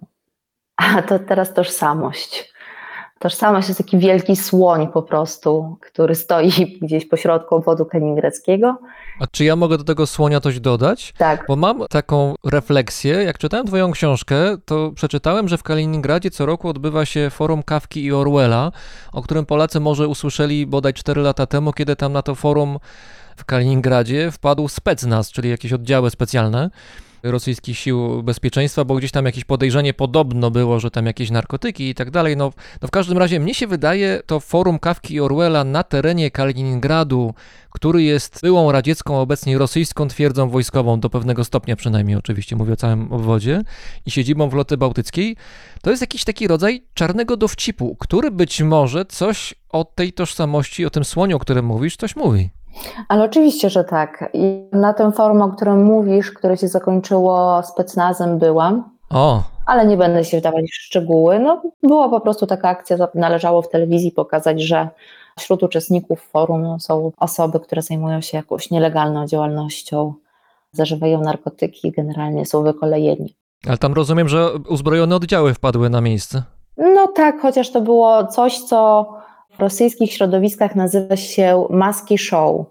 To znaczy, z jednej strony jest ten specnaz, a z drugiej strony jest od razu ekipa telewizyjna, która to nagrywa. Przypadkiem przechodzili akurat obok i już przypadkiem Dokładnie akurat trafili tak. na to wydarzenie. Chodzi o to, żeby tak, chodzi o to, żeby to nagrać i pokazać. W sensie to jest jakby produkcja kontentu, a nie akcja, no nie wiem, jakaś tam policyjna, czy jakaś taka akcja, operacja jakichś struktur siłowych z jakimś określonym celem. Cel jest taki, żeby to pokazać w telewizji. To jeszcze powiem dla tych, którzy nie wiedzą, że Specnaz to są rosyjskie siły specjalne, także bardzo poważne y, siły wojskowe. No, pewnie też można byłoby o tym dyskutować, żeby tak jakby nie, nie mieszać za mocno znowu słuchaczom w głowach, ale jakby troszkę im tą rzeczywistość przybliżyć, to musimy pamiętać, że w Rosji jest dużo więcej służb mundurowych niż u nas. Nieporównywalnie więcej. Tam jest chociażby coś takiego jak komitet śledczy, Śledczy Komitet, który jest nie do końca wiadomo czym, bo on jest czymś pomiędzy policją i prokuraturą i to też są ludzie, którzy chodzą w mundurach, to też jest mundurówka. Są tak zwane wojska MCS, to jest coś w rodzaju zmilitaryzowanej straży pożarnej. Nie do końca armia, no ale też ludzie w mundurach mogą mieć prawo do noszenia broni. Jest rozgwardia, która jest taką zupgrade'owaną, nie wiem, powiedziałabym strażą miejską, to z przymrużeniem oka, ale ona ma niezbyt wiele prerogatyw prawnych, ale znowu Rozgwardia nosi mundur, nosi broń i jest używana do rozganiania protestów w Rosji przede wszystkim. Jest OMON, czyli takie jakby oddziały specjalne, zmilitaryzowane policji i jest specnaz, który no, nie do końca jest może jakimś gromem, no jest to, są to mniej więcej antyterroryści, coś takiego, ale różne też służby mogą mieć w ramach swoich struktur swoje jednostki specnazu, bo to jest skrót od specjalne naznaczenie, czyli to są oddziały do zadań specjalnych. I prawdopodobnie chodziło z tym forum Kawki i Orwella, na które ci specnazowcy wpadli, chodziło o to, żeby zastraszyć tychże uczestników y, forum. Oczywiście, że tak. To nie było jakimś wielkim szokiem dla organizatorów. Oczywiście było mimo wszystko szokiem w tym momencie, ale na tego rodzaju zagrywki ze strony struktur państwa, osoby, które działają w polu opozycyjnym, jakby trzeba się z tym liczyć, wszyscy się z tym liczyli, bo co jest ważne, to nie jest forum miłośników Kawki i Orwella w sensie literackim. To jest forum, które tą metaforą połączenia Kawki z Orwellem, jeszcze w tej kaliningradzkiej bardzo specyficznej rzeczywistości historyczno-geograficznej, miało po prostu obrazować sytuację, w jakiej się znalazła Rosja bo ta rzeczywistość rzeczywiście stawała się z roku na rok coraz bardziej taka kawkiańsko-orwellowska. To był forum przede wszystkim o Rosji, o sytuacji politycznej, o sytuacji społecznej, o kulturze rosyjskiej. Przyjeżdżali na niego przedstawiciele liberalnej rosyjskiej opozycji politycznej, czynni politycy, np. Lew Schlossberg czy Jewgeni Roizman, intelektualiści, eksperci, dziennikarze, artyści, ludzie kultury, no i toczyły się tam po prostu dyskusje. No i jakby, co zabawne, ja sama niedawno wróciłam z forum Kawki Orwella w październiku, które odbyło się już nie nad Morzem Bałtyckim, a nad Morzem Czarnym w Gruzji. Pierwsza edycja po pandemii, no i po tym, kiedy zaczęła się wojna i kiedy ludzie zaczęli migrować, emigrować z Rosji, organizatorzy stwierdzili, że spróbują zorganizować forum na emigracji. No i udało się wróćmy do tego, jak połączyć e, Słonia, Kawkę, Orwella i jeszcze Kaliningrad w tym wszystkim. Nie wiem, czy to widać w mojej książce, ale ja się starałam uniknąć odpowiedzi na to pytanie. Takiej odpowiedzi, której ja bym miała udzielić. To jest, starałam się, żeby to bohaterowie mówili za mnie o swoich odczuciach na temat Kaliningradu. Pewna kobieta mówi o tym, że ma obawy względem wewnętrznej migracji rosyjskiej do Kaliningradu, bo jej zdaniem ta jakaś kiełkująca, bardzo porcelanowa w swojej konstrukcji tożsamość kaliningradzka, która miała raptem ile, no 70-80 lat na to, żeby się zacząć tworzyć, podlega pewnej erozji przez to, że ludzie z zewnątrz przyjeżdżają, nie znają tego miejsca, nie znają charakteru tego miejsca, nie czują jeszcze klimatu i jakoś tę tożsamość kaliningradzką instatu na scent jakoś rozrzedzają. Mhm. I to jest bardzo ciekawy też sposób patrzenia na tą sytuację, bo mam wrażenie, że my w Polsce, ale nie tylko w Polsce, też na Zachodzie, bardzo chcemy myśleć o Kaliningradzie właśnie jako o jakiejś takiej regionie bardzo odrębnym, chociażby w takich kwestiach kulturowych, tożsamościowych, a nawet politycznych od Rosji. No geograficznie odrębne jest ewidentnie pytanie, tylko czy ta geografia przekłada się też na, na ludzi bezpośrednio? Ona się oczywiście przekłada na ludzi, tylko że my zapominamy, że to jest proces. I to jest właśnie to, o czym opowiada Anna, że kiedy my sobie wyobrażaliśmy, no, że jeżeli przecież ci Rosjanie są tak daleko od tej reszty Rosji, jeżeli oni tam w ogóle rzadko bywają, a częściej bywają w Europie, no to oni przecież siłą rzeczy muszą być inni. Tylko patrzyliśmy po pierwsze na ten Kaliningrad jako na taki monolit, który już się ukształtował i sobie po prostu jest i jest inny. Anna przypomina w swojej opowieści o tym, że to kształtowanie się cały czas trwa, że to jest bardzo świeży proces. On się zaczął później, on był wstrzymywany bardzo mocno przez władze sowieckie, takiego swobodnego poszukiwania sensów, kategorii, które mogłyby budować tą tożsamość lokalną. Więc to jest cały czas proces i rzeczywiście ten proces w związku ze specyfiką Kaliningradu jest bardzo kruchy. A ta specyfika rzeczywiście polega na tym, że tam się nigdy nie zakończyła migracja, że to jest cały czas miejsce, do którego ludzie napływają, osiedlają się, stamtąd wyjeżdża i to się tak jakby cały czas mieli. Trudno wskazać na jakiś taki kościec. To jest jakieś miejsce w jakimś sensie tymczasowe? Dla niektórych tak, dla niektórych to jest miejsce tymczasowe. To się zdarza naprawdę często, że ludzie tam przyjeżdżają, mieszkają przez parę lat i, i wyjeżdżają. Są oczywiście rodziny, które już tam mieszkają od tych dwóch, trzech pokoleń, czyli babcia albo dziadek trafiali tam po wojnie, no i od tamtej pory ta rodzina w tym Kaliningradzie mieszka, chociaż zazwyczaj też było tak, że ktoś z tej rodziny tak czy siak emigrował, na przykład do pracy do Moskwy albo gdzieś za granicę. I te procesy się tam cały czas dzieją, a my za mną rozmawiałyśmy o tym, co się działo w ostatnich latach, mniej więcej gdzieś tak od 2015 roku, kiedy rzeczywiście ta migracja Rosjan z Syberii, z dalekiej północy, stała się bardzo wyraźna. I ja sobie zawsze zadawam takie pytanie, czy ona jest tak mocno dostrzegana przez Kanadczyków, tych, którzy czują się u siebie, tych, którzy siebie nazywają rdzennymi mieszkańcami regionu. Czy to jest tak, że rzeczywiście ci Rosjanie, którzy teraz przyjeżdżają, się tak bardzo różnią od tych poprzednich fal migracji? Czy być może jest tak, że to po prostu Kaliningradczycy już na tyle mocno się jakby okopali w jakiejś wizji tego, kim oni są, że wszystko, co jest z zewnątrz, jakby automatycznie negują i widzą w tym właśnie zagrożenie dla siebie. I że dopóki ktoś nie stanie się dokładnie taki, jaki oni chcą, to oni nie są w stanie już tych osób jakby beztrosko akceptować w swoim otoczeniu. I to też jest oczywiście jeden z elementów tego procesu budowania się tej tożsamości, tylko że my zupełnie nie wiemy, co się teraz wydarzy. Znaczy, nie wiemy, ale możemy prognozować. Po pierwsze, już widać, Kaliningrad przestał być atrakcyjny dla Rosjan jako miejsce do emigracji, do osiedlenia się.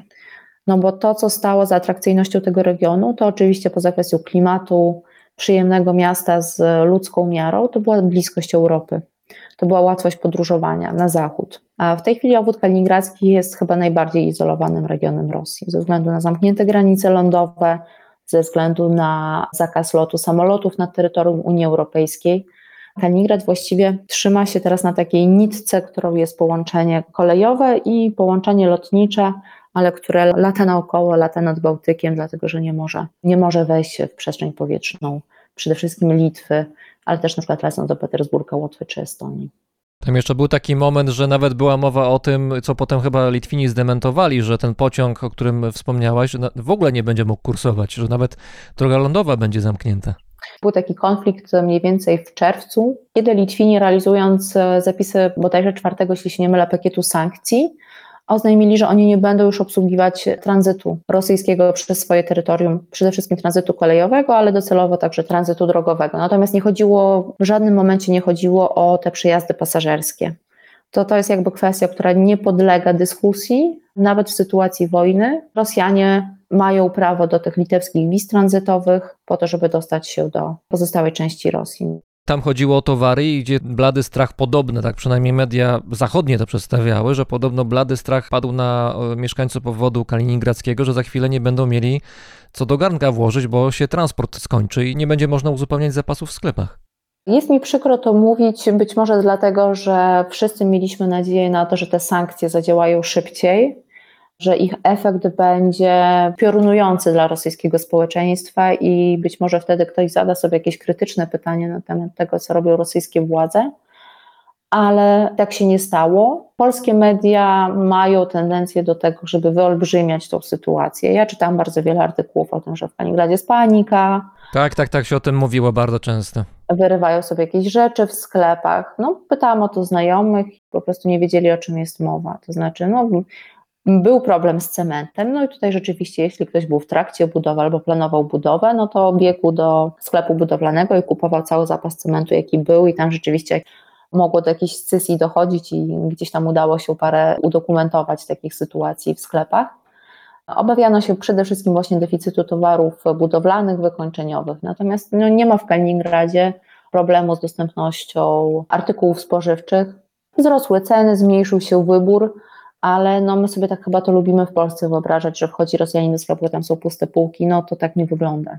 No, media lubią zawsze bić głośno w dzwon, bo wtedy lepiej to trafia do odbiorców. Tak, no i w ogóle nie jestem ekonomistką, ale oczywiście na tle wojny, na tle wszystkiego, co się dzieje w Rosji, te wiadomości ekonomiczne są chyba dzisiaj dużo ciekawsze niż wiadomości polityczne.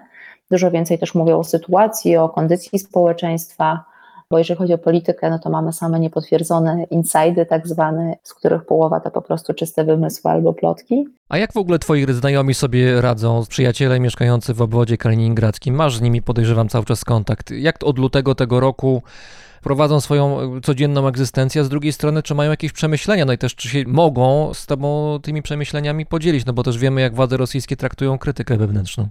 Gdzieś tam mniej więcej od 2014 roku zaczynałam tracić ze swoich radarów osoby o takich bardzo lojalnych władzy poglądach. Już tamta sytuacja, reakcja Rosji na Majdan, aneksja Krymu, rozpętanie wojny na Donbasie, to wszystko sprawiło, że po prostu no, z pewną grupą znajomych rosyjskich dalsza współpraca czy komunikacja stała się niemożliwa.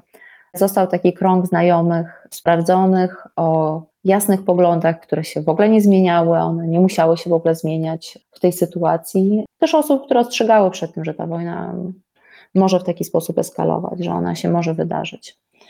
No i to są bardzo różne sytuacje. Tu nie ma, nie ma jednego modelu tego, co się z tymi ludźmi dzieje. Niektórzy szukają sposobu na emigrację, to jest bardzo trudne, zwłaszcza z obwodu kaliningradzkiego, bo z obwodu kaliningradzkiego dzisiaj nie można po prostu tak sobie wsiąść w samochód i wyjechać, czy nawet wsiąść w autobus i wyjechać. W sytuacji mobilizacji znowu niektórzy wyjechali mężczyźni, niektórzy zostali, są podzielone rodziny. Mam znajomą, której mąż jest w tej chwili w Kazachstanie, ona sama jest nadal w Kaliningradzie, pracuje. To znaczy mąż jest w Kazachstanie, żeby uniknąć mobilizacji, rozumiem? Tak. I tam szuka jakby dalej pomysłu, co dalej ze sobą zrobić. Natomiast ona została w Kaliningradzie, jest dwójka dzieci i jest chłopiec nastoletni i ona uważa, że po prostu najważniejsze jest to, żeby ten jej mąż gdzieś się zaczepił, gdzieś znalazł pracę, określił się, w jakim kraju będzie mieszkać i jest absolutnie wszystko jedno, jaki to będzie kraj.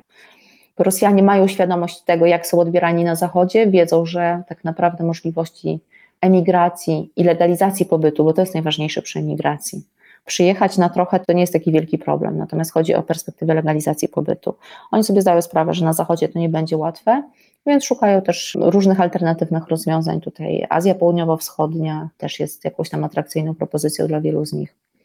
Więc plan jest taki, że mąż się gdzieś tam zaczepi i przygotuje grunt właśnie pod wyjazd jej i dzieci, no bo chłopiec ma kilkanaście lat i ona uważa, że wojna będzie trwała, a skoro będzie trwała, no ten chłopiec jest bezpośrednio też zagrożony mobilizacją w perspektywie dwóch, trzech lat.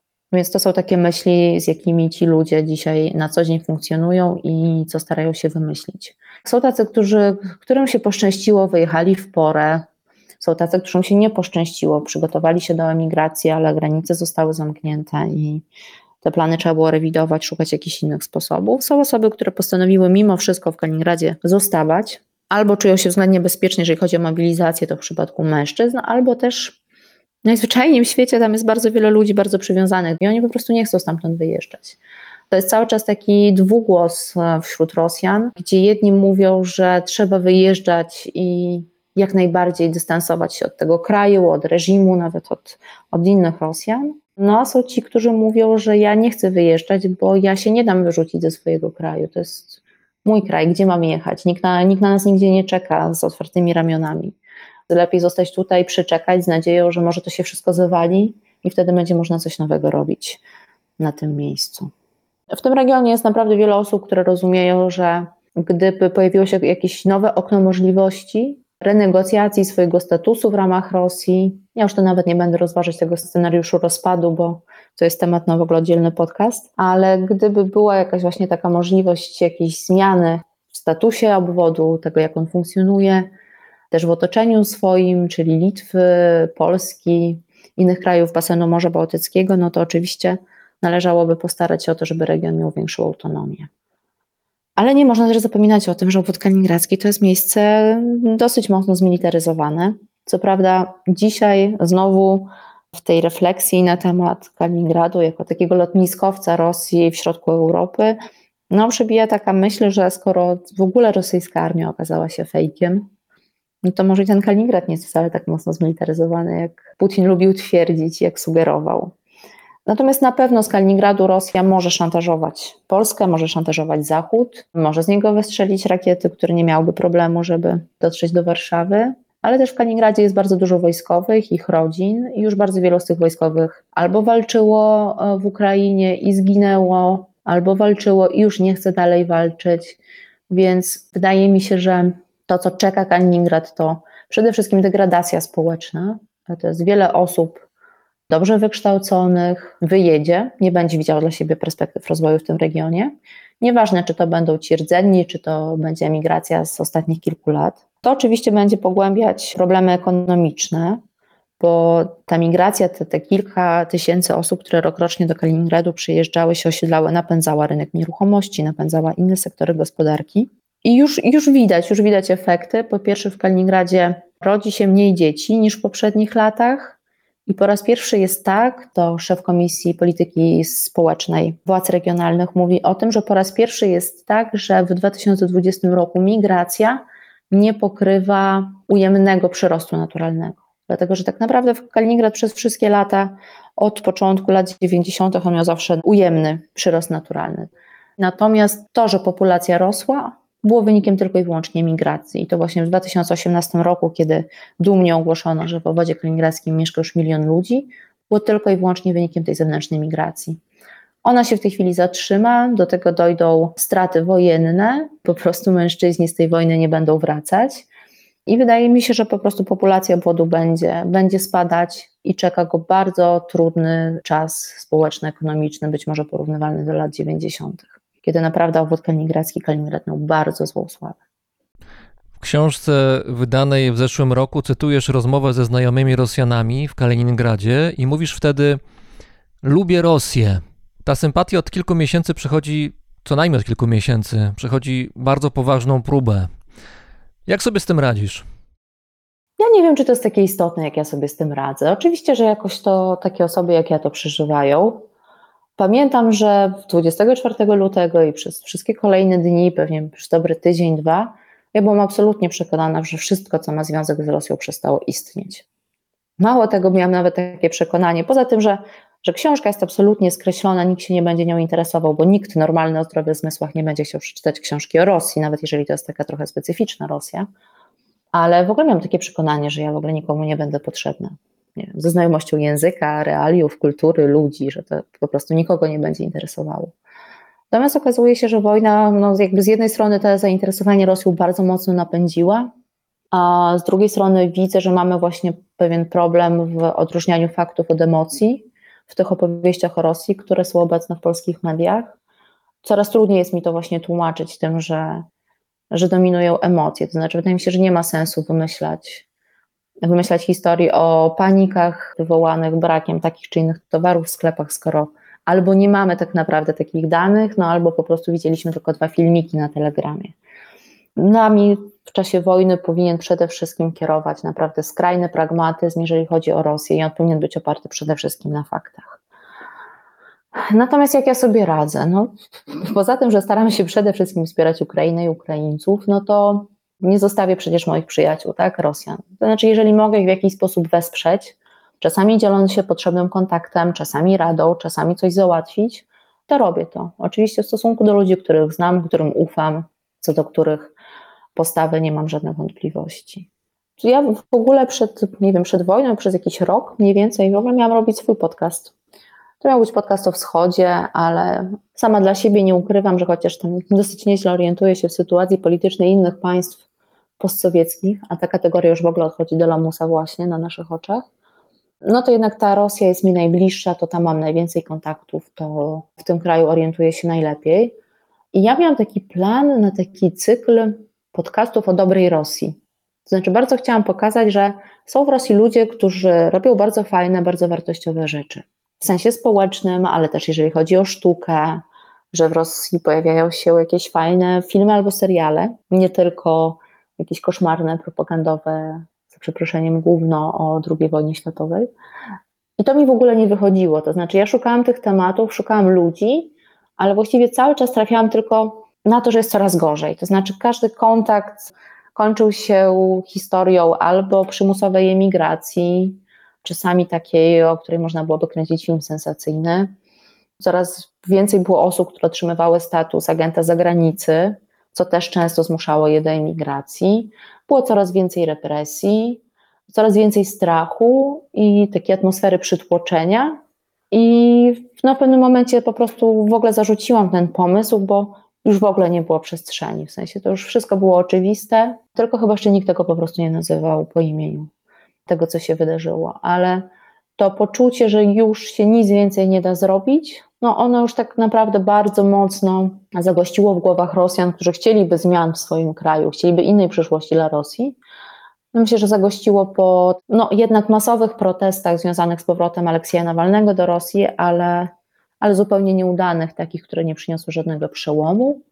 A taki ogólny trend schyłkowy, no on był już bardzo mocno widoczny od roku co najmniej 20, jeśli nie 18, bo już wtedy bardzo często słyszałam, że właściwie wszyscy już tylko czekają. Czekają na coś, na jakiś przełom, bo jest już bardzo źle i coś się musi po prostu wydarzyć, coś się musi zawalić i że to jest bardzo źle i bardzo dobrze jednocześnie, ale myślę, że nikt nie spodziewał się, jak bardzo, bardzo źle to będzie wyglądało. A jak patrzysz na to, że krótko po rozpoczęciu rosyjskiej inwazji w lutym tego roku wszystko, co w jakikolwiek sposób kojarzyło się z Rosją, z rosyjskością, z historią rosyjską, z kulturą rosyjską, ze wszystkim, co rosyjskie, było nacenzurowanym do tego stopnia, że na przykład pamiętam w pierwszych miesiącach, w pierwszych tygodniach po inwazji, na przykład odwoływane były koncerty muzyki Czajkowskiego, gdzie ja nie mówię, że rosyjscy muzycy na przykład występowali i jacyś znani wirtuozi stawali na scenie, tylko po prostu repertuar Czajkowskiego był wystawiany, nie wiem, w Wielkiej Brytanii, w Niemczech, gdzieś w Stanach Zjednoczonych, gdziekolwiek. I te koncerty były odwoływane. Jak na to patrzyłaś? Jak, jakie były twoje odczucia?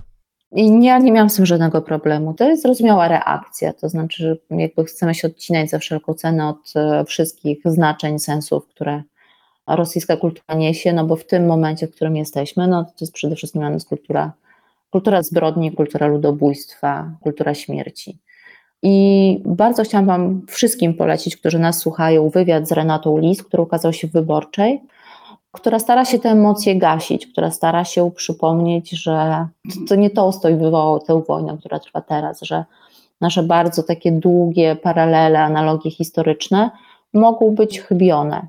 Ale z drugiej strony, oczywiście, wojna uruchomiła proces takiej bardzo pogłębionej refleksji nad całokształtem rosyjskiej kultury, rozumianej i politycznie, i artystycznie, ale też społecznie, która sprawia, która niesie ze sobą pewne niezmienne sensy, niezmienne wartości, które na każdym dziejowym zakręcie prowadzą do wielkiej katastrofy.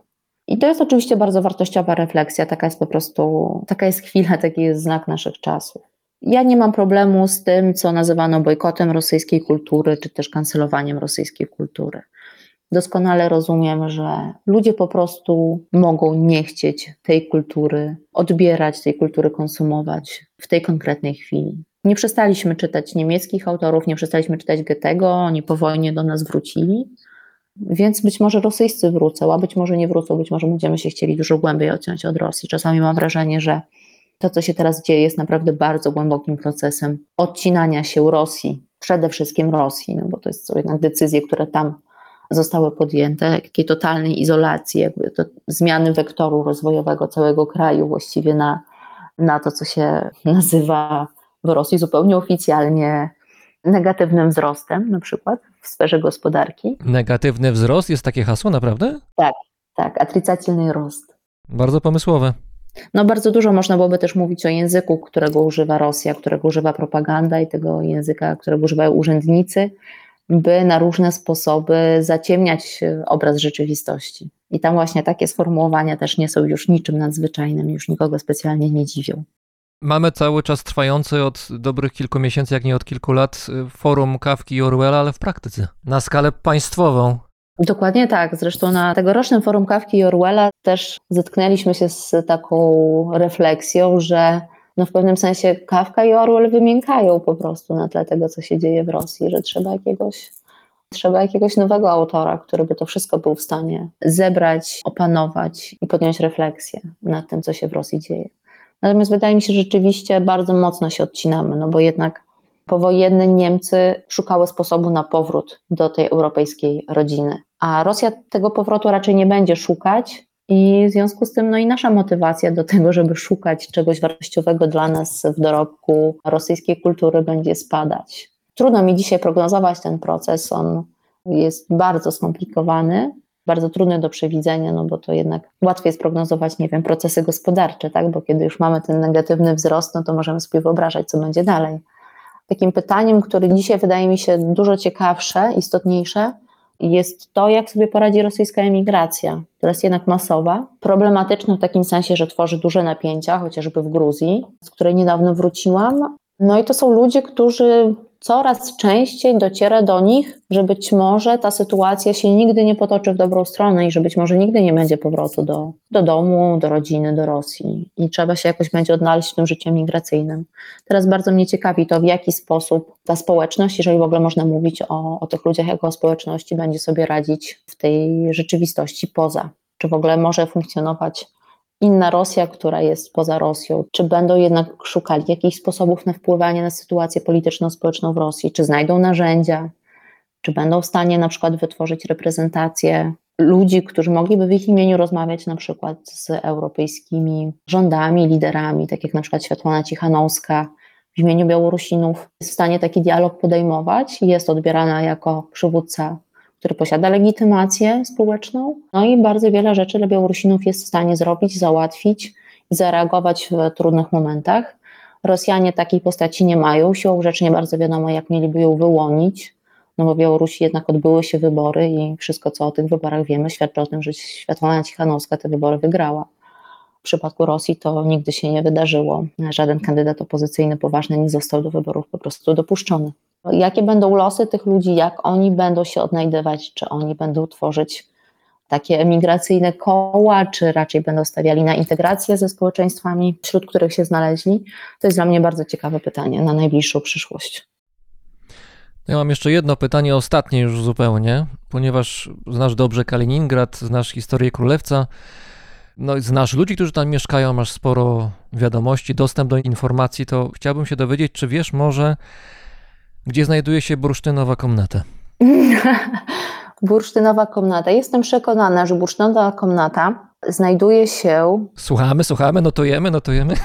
Moją ulubioną teorią jest teoria o tym, że ta bursztynowa komnata, która została niby zrekonstruowana w carskim siole, to jest tak naprawdę ta właściwa bursztynowa komnata, że to jest to prawdziwe. Ale chyba jest taka teoria, że w tej katedrze na wyspie Kanta się znajduje, tak? Gdzieś tam w podziemiach. No w ogóle naprawdę w Kaliningradzie jest bardzo dużo takich miejskich legend związanych z zagadką, która unosi się nad tym miejscem, no bo jednak przez wiele wieków zupełnie inni ludzie panowali i kształtowali to miejsce, a ci nowi gospodarze, no już tacy bez mała 80 lat, tak, po wojnie cały czas jeszcze szukają wskazówek do rozwiązania tych zagadek. No i historia o podziemiach jest rzeczywiście taką historią, która też cały czas elektryzuje część osób w Kaliningradzie, że, że jest bardzo dużo podziemi, niezbadanych podziemi, które kryją niesamowite skarby, no ale jakoś te skarby nie wypływają na powierzchnię. Albo ktoś już odnalazł i się nie chwali. Tak, to jest bardzo możliwe. Zresztą pamiętam, jak rozmawiałam z osobami, które utrzymują się z nie do końca legalnego pozyskiwania bursztynu hmm. w Kaliningradzie i słyszałam tam bardzo zabawne opowieści o tym, że najważniejsze to jest nie pokazywać tego bogactwa, nie pokazywać, że masz pieniądze.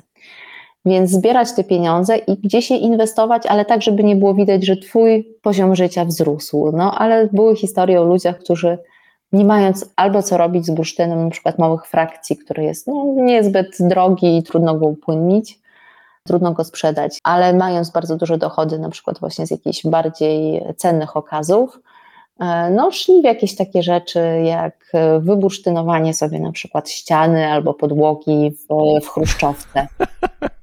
Więc takich bursztynowych komnat w Kaliningradzie wbrew pozorom może być bardzo dużo, tylko ich właściciele no, nie chcą się z tym obnosić, oni wolą jeździć starą ładą i sobie tam te swoje bursztynki malutkie jeden do drugiego składać na jakąś trudną dzisiaj do wyobrażenia przyszłość.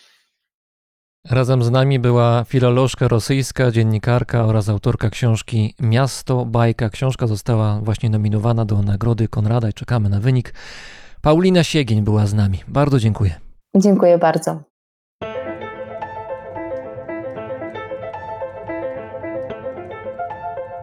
To był 128 odcinek Brzmienia Świata, podcastu, który istnieje dzięki słuchaczom. Zbiórka na Patronite trwa i można dołączyć do niej w każdej chwili, do czego zachęcam. Wszystkim patronom i patronkom dziękuję za hojną pomoc. To za Waszą sprawą ta audycja istnieje ponad 2,5 roku.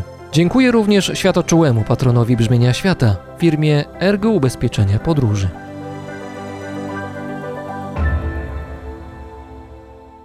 Paweł Drozd, czyli ja, mówi Wam dobrego dnia.